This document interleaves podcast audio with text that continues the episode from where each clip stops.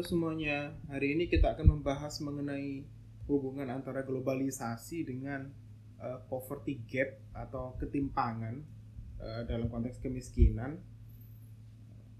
Beberapa pertanyaan mendasar yang akan dijawab adalah benarkah globalisasi uh, akan berdampak positif terhadap poverty alleviations atau pengurangan kemiskinan yang pada akhirnya akan mengurangi ketimpangan antar kelas uh, dan yang kedua jika benar bagaimana mekanismenya kemudian selanjutnya juga dibahas akan dibahas akan dibahas dari sudut pandang uh, pengkritiknya. Kira-kira begitu. Nah seperti bahasan-bahasan kita minggu kemarin selalu ada dua sudut pandang dalam melihat relasi antara globalisasi dengan apa pun. Selalu ada yang sepakat dan tidak positif negatif optimis dan pesimis.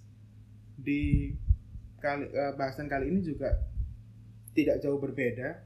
Yang pertama kita bahas dari yang uh, proponennya dulu, dari sudut pandang yang optimis dulu. Uh, globalisasi berkaitan positif terhadap uh, poverty alleviation atau pengurangan kemiskinan. Kita berangkat dari tesisnya Jagdish Bakwati, uh, seorang globalis dari India. Ya dari nama sudah kelihatan Jagdish Bakwati. Uh, a quick a fun fact, Jagdish Bakwati adalah laki-laki. Dulu saya pikir perempuan, ternyata turns, uh, turns out uh, he is a male in some way. Oke. Okay. Uh, Bakwati mulai dari globalisasi dapat me-reduce inequality atau berdampak terhadap poverty alleviation melalui beberapa tahap. Pertama, globalisasi, munculnya globalisasi akan enhance trade, akan meningkatkan uh, kemampuan banyak pihak untuk melakukan trade perdagangan internasional. Kemudian perdagangan internasional yang naik akan menaikkan income negara, growth terjadi. Kemudian setelah itu growth yang semakin naik, kualitas ekonomi negara yang semakin naik, income negara yang semakin naik, uh, akan berdampak terhadap poverty alleviations uh, atau uh, reduce the poverty, mengurangi kemiskinan. Oke, okay? setelah dari situ, setelah kemiskinan berkurang, menurut Bakwati akan tercipta pengurangan terhadap ketimpangan, inequality-nya berkurang inequality-nya berkurang, kemudian orang-orang punya akses yang lebih baik terhadap globalisasi. Akhirnya jadi cyclical. Muter lagi globalisasi, enhance trade, trade enhance growth, growth enhance uh, poverty reducement atau alleviations, poverty alleviations reduce inequality, kemudian inequality reduce uh, in, in, pengurangan ketimpangan akan berdampak terhadap uh, akses yang lebih baik terhadap instrumen globalisasi. Oke, itu tesis secara utuh dari Bakwati di buku eh, di bukunya In Defense of Globalization. Sekarang kita bahas satu-satu logika di balik itu. Nah, gimana bisa Bakwati ngomong uh, atau dasarnya apa dia ngomong em, case empiriknya apa globalisasi uh, bakal enhance trade. Uh, Bakwati kemudian melihat tahun-tahun 80-an buku In Defense of Globalization ini ditulis tahun 2004 jadi semakin ke sini mungkin semakin banyak eh, fakta-fakta uh, lain atau uh, argumen lain yang dimunculkan dari scholars lain tapi kita bahas dari Bakwati dulu. Tahun 80-an kalau kita melihat uh, ke waktu itu yang konteksnya perang dingin Amerika Serikat sedang uh, berkontestasi dengan Uni Soviet waktu itu uh, saling bersaing di semua bidang tidak terkecuali di ekonomi. Kemudian tahun 80 awal if I'm not mistaken uh, Presiden Amerika Serikat waktu itu Ronald Reagan dia mencetuskan yang namanya Reaganomics atau kebijakan ekonomi khas dari uh, kabinetnya si Ronald Reagan. Ada empat poin yang yang di uh, jadikan dasar kira-kira begitu uh, yang khas kebijakannya. Pertama tax cut. Jadi uh, pajak-pajak yang dikenakan terhadap pengusaha awalnya itu dipotong semua. Kemudian lower barrier. Jadi ekspor impor dipermudah uh, kemudian orang kalau mau ekspor uh, regulasinya di cut. Uh, reducing reg regulations yang ketiga kemudian yang keempat adalah uh, cut off government spending jadi belanja pemerintah yang tidak tidak perlu itu semua di cut Oke, itu yang khas dari Reaganomics tahun 81 waktu itu konteksnya. Mungkin sekarang sudah banyak banyak yang pakai tapi waktu, waktu itu sangat ya, sangat fenomenal karena mungkin belum banyak belum banyak yang pakai.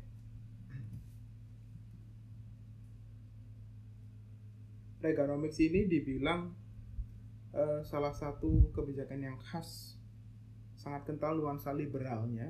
Jadi yang penting menggenjot investasi yang penting menggenjot gimana barang dari dalam itu bisa dijual keluar uh, ekspor digenjot uh, sehingga trade itu akan terjadi. Gimana memastikan trade itu semakin bertumbuh? Kira-kira begitu fokus utamanya waktu itu. Nah uh, produk-produk Amerika Serikat dipasarkannya keluar dipermudah dengan banyak banyak instrumen globalisasi uh, salah satunya adalah ya mulai muncul interkoneksi antar wilayah, kemudian interkoneksi yang semakin menebal melalui uh, instrumen-instrumen globalisasi seperti uh, alat-alat alat-alat alat-alat perkembangan alat-alat transportasi dan segala macam. Akhirnya trade-nya naik. Trade-nya naik. Oke. Okay. Mulainya dari situ. Oke, okay, globalisasi pada satu titik dia akan uh, semakin terkoneksinya terkoneksi uh, antar wilayah, antar negara, dia akan meningkatkan yang namanya trade. Oke, okay, confirm. Kemudian trade akan meningkatkan growth dari satu negara, national growth. Oke. Okay. Karena semakin banyak berdagang, semakin banyak untung. Logikanya kan begitu. Logika dasar kalau berdagang pasti untung karena kalau tidak untung tidak mungkin dilanjutkan perdagangannya.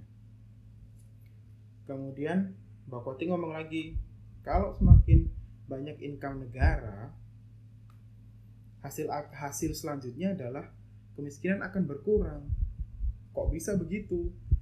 Mbak Koti menarik dari dua case yang berbeda. Dia belajar dari pengalaman India tahun 60-an dan pengalaman China di tahun yang uh, 80-an, 78 sampai 99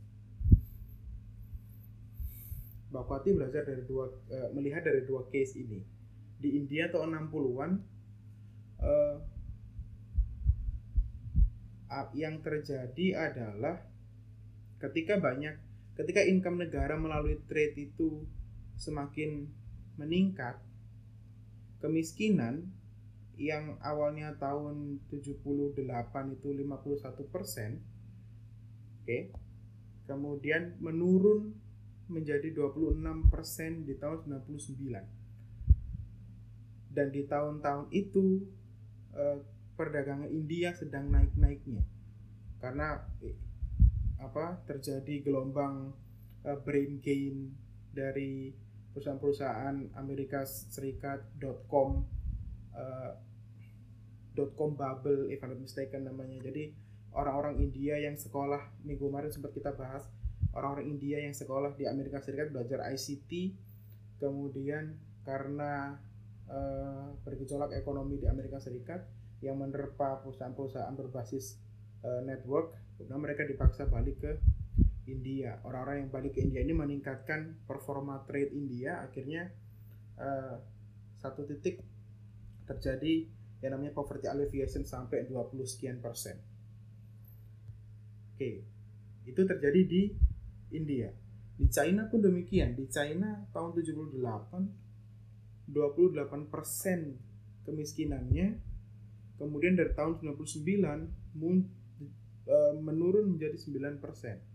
Yang terjadi waktu itu adalah China melakukan peace apa yang disebut dengan peaceful rise. Intinya dia ekspansi ke mana-mana berdagang dengan siapa saja e, meningkatkan perdagangannya.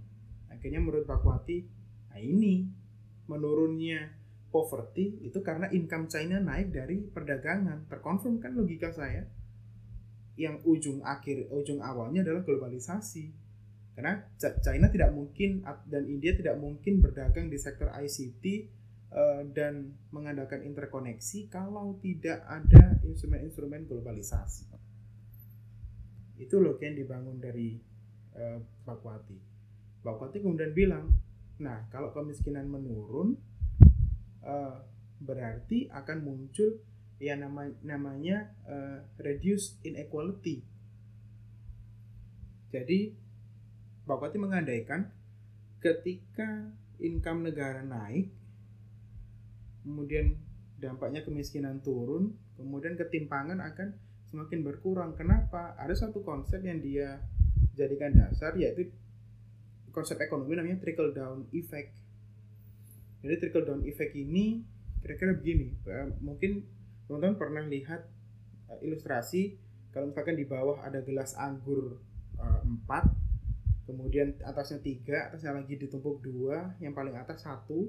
Kalau kita tuang anggur di kelas gelas yang paling atas sampai penuh kemudian tetap dituang yang terjadi adalah gelas di atas akan meneteskan airnya ke gelas di bawahnya di bawahnya sampai semuanya penuh itu bayangan Bakwati soal trickle down effect. Jadi kalau kita kalau kita isi terus pundi-pundi ekonomi negara melalui trade air tadi itu akan uh, atau income tadi itu akan menetes ke bawah. Menetes ke bawah akhirnya yang di bawah juga merasakan dampaknya. Oke okay, terangkat living standarnya terangkat uh, kons uh, pola konsum konsumsinya ter terangkat standar konsumsinya juga.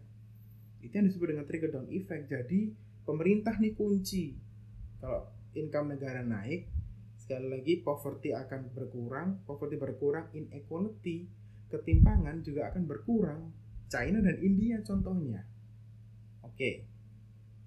Kemudian Bapati berargumen lagi. Kalau semakin kecil ketimpangan oke yang terjadi adalah masyarakat yang ada di bawah yang menikmati trickle down effect tadi mereka akan semakin punya akses yang besar, yang lebih besar terhadap instrumen-instrumen globalisasi. Misalkan konsumsinya jadi naik. Kalau masyarakat di bawah punya uang, penghasilan yang lebih baik, standar hidup yang lebih baik, otomatis konsumsi akan naik. Itu logika ekonominya.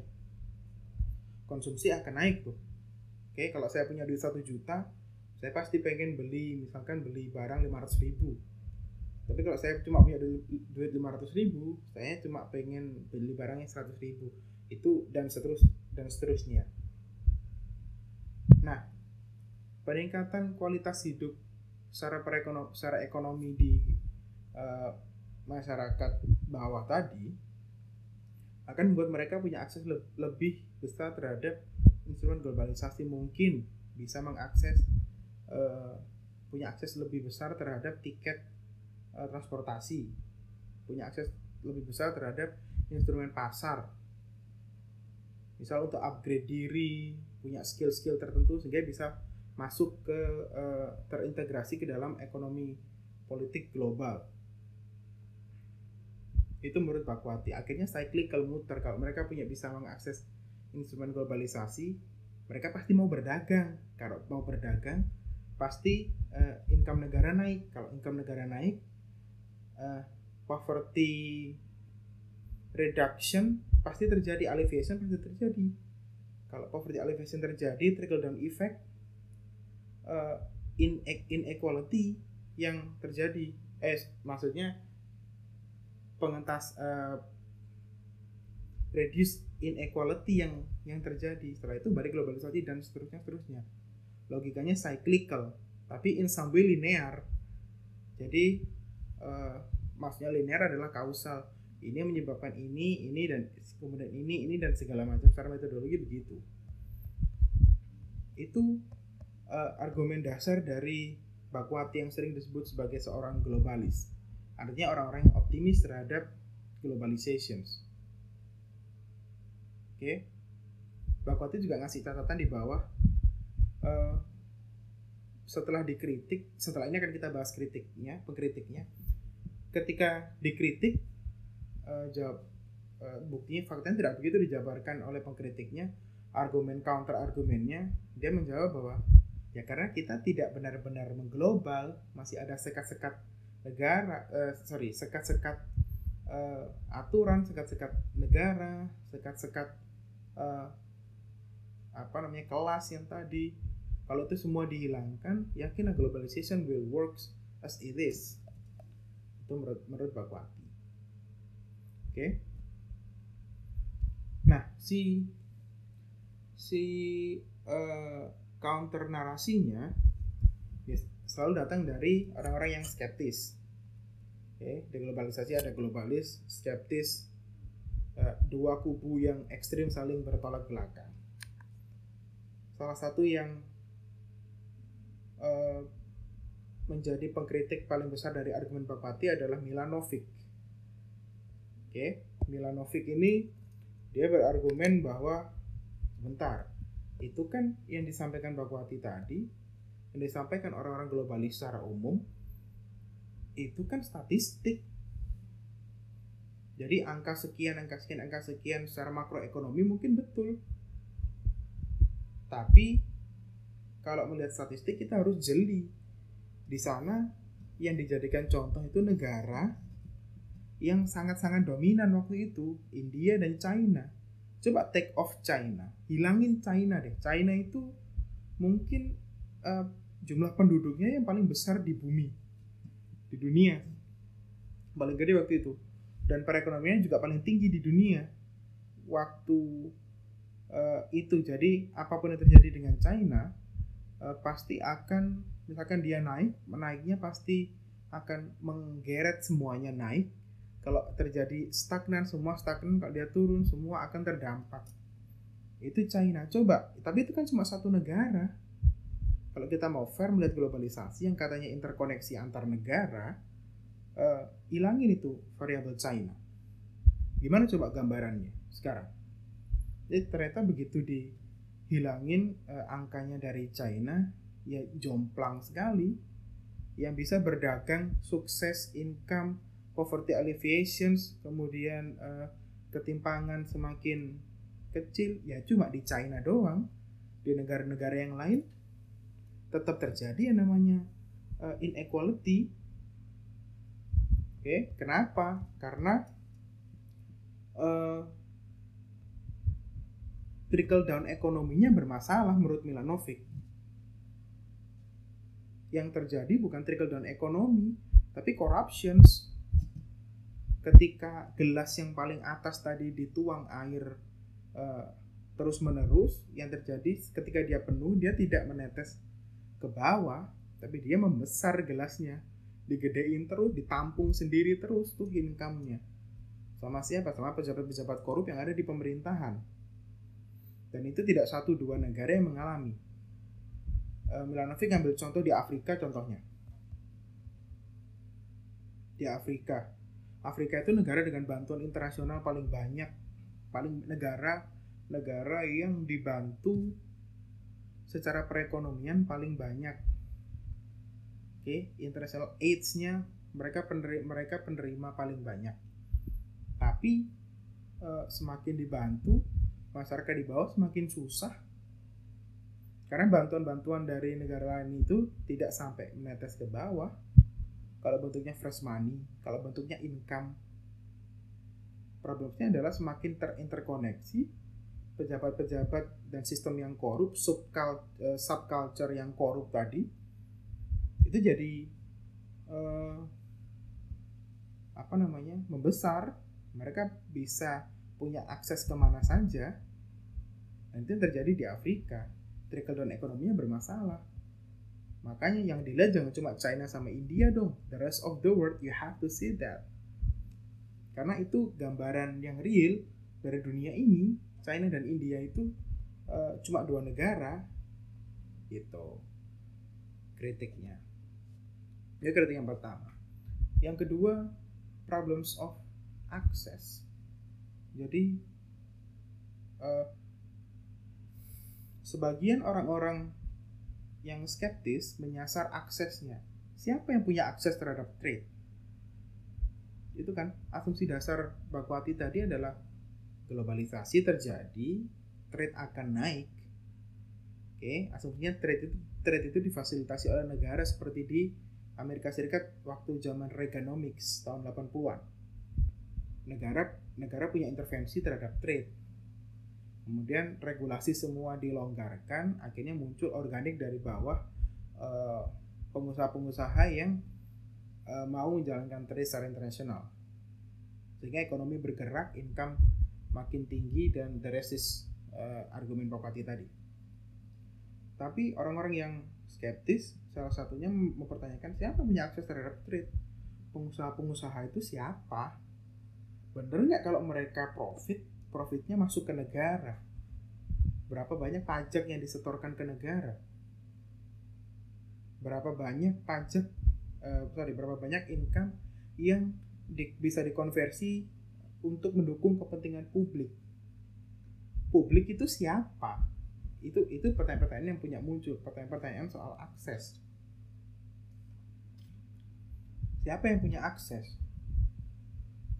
Oke, akhirnya biasanya ini orang-orang yang punya pandangan yang agak uh, condong ke kiri, asumsi dasar mereka sudah begini, trade will trade will always benefit the have and crush the have not. Masalahnya perdagangan itu selalu menguntungkan the have yang punya modal. Yang nggak punya modal ya sudah. Masuk dalam standar kemiskinan. Karena selalu ada kritik misalkan sistem yang korup tadi relasi ekonomi dan politiknya tidak sehat. Orang-orang yang punya orang-orang orang-orang yang menjadi pemilik modal berelasi uh, tidak sehat dengan orang-orang yang yang menjadi penguasa politik. Akhirnya terjadi problem di sana contohnya adalah uh, case yang mungkin bisa bisa jadi contoh adalah Myanmar Myanmar itu tahun 2010 ini kita ngomong soal ak akses terhadap instrumen globalisasi ya. internet misalkan 0,2 persen buruh uh, bu, bu, bukan buruh sih jadi 0,2 persen masyarakat Myanmar itu uh, punya akses terhadap internet yang free yang bebas. Artinya hanya 0,2 persen data tahun 2010 tuh. Oke. Kemudian uh, di tahun yang sama sebenarnya gini data ini dipotret pada tahun 2000 2000 eh, persis 2000 sampai 2010 tahun 2000 0,02 penduduk Myanmar yang punya akses terhadap internet 0,02 tidak sampai satu persen. Sorry tidak sampai 0,1 persen. Kemudian 10 tahun kemudian 0,2 persen peningkatannya. Itu artinya peningkatannya sangat tidak signifikan. 2010 kita di sini kita sudah punya akses paling tidak terhadap uh, smartphone. Ya kan? BlackBerry mungkin waktu itu yang yang uh, populer 2010 tapi kemudian uh, orang-orang yang skeptis melihat nah kan kenaikannya 0,02 jadi 0,2 persen akses terhadap instrumen globalisasi yang namanya internet di 2010 berbanding uh, lurus atau sejalan dengan kenaikan unskilled uh, labor. Artinya semakin dari tahun 2000 sampai tahun 2010 71,6 persen unskilled labor di, Myan, di Myanmar sorry 71,6 persen labor di Myanmar itu masuk kategori unskilled. Mereka tidak bisa uh, punya akses terhadap skill. Argumen orang-orang yang uh, meneliti ini ya ya karena mereka nggak punya akses terhadap internet. Karena waktu itu internet jadi uh, baru muncul uh, jadi barang baru yang gampang diakses di mana-mana mempermudah akses terhadap pembelajaran mempermudah akses terhadap uh, peningkatan skills tapi di Myanmar itu tidak terjadi. Hanya 0,2% yang punya akses. Oke. Okay dampak dampaknya adalah ya unskilled labornya semakin tinggi. Itu yang terjadi. Itu itu, itu beberapa kritiknya. Jadi orang-orang yang pesimis secara umum melihat bahwa jangan dilihat cuma China sama India. Uh, coba kalau dua itu dihilangin dua negara saja dari sekian ratus negara yang ada di dunia gambarannya gimana? Ternyata gambarannya justru sangat timpang. Negara-negara di uh, Asia Tenggara juga tidak lebih baik daripada sebelumnya sebelum sebelum ada wacana soal globalisasi di sektor kemiskinan misalkan. Kemudian uh, orang juga tidak punya banyak akses terhadap perdagangan. Trade yang katanya globalisasi bakal menyediakan akses yang cepat terhadap perdagangan tidak juga. Yang terjadi justru ya uh, pemilik modal yang punya akses ke sana. Oke okay. kemudian uh, trigger down effect juga katanya jalan tapi enggak menurut orang-orang yang pesimis. Karena corruptions lihat Afrika tuh kurang ini apa kurang problematik apa di Afrika. Ah itu itu kira-kira gambaran umumnya. Jadi ada dua argumen besar uh, the optimist maybe the globalist and the skeptic uh, the pessimist. Jadi uh, dua-duanya punya dasar argumen masing-masing uh, dua-duanya masuk akal sekarang tinggal dalam melihat satu case kita lebih lebih pas uh, dan punya preferensi yang mana. Tentu saja preferensi itu didukung dengan uh, pra, beberapa prakondisi yang uh, masuk akal dan logis ya. Itu sih kira-kira gambaran umum uh, ya diskusi atau pembahasan kita kali ini. Uh, semoga bisa jadi uh, pengetahuan baru uh, atau pemantik untuk menuju uh, new realms of discussions. Well, okay, bye bye.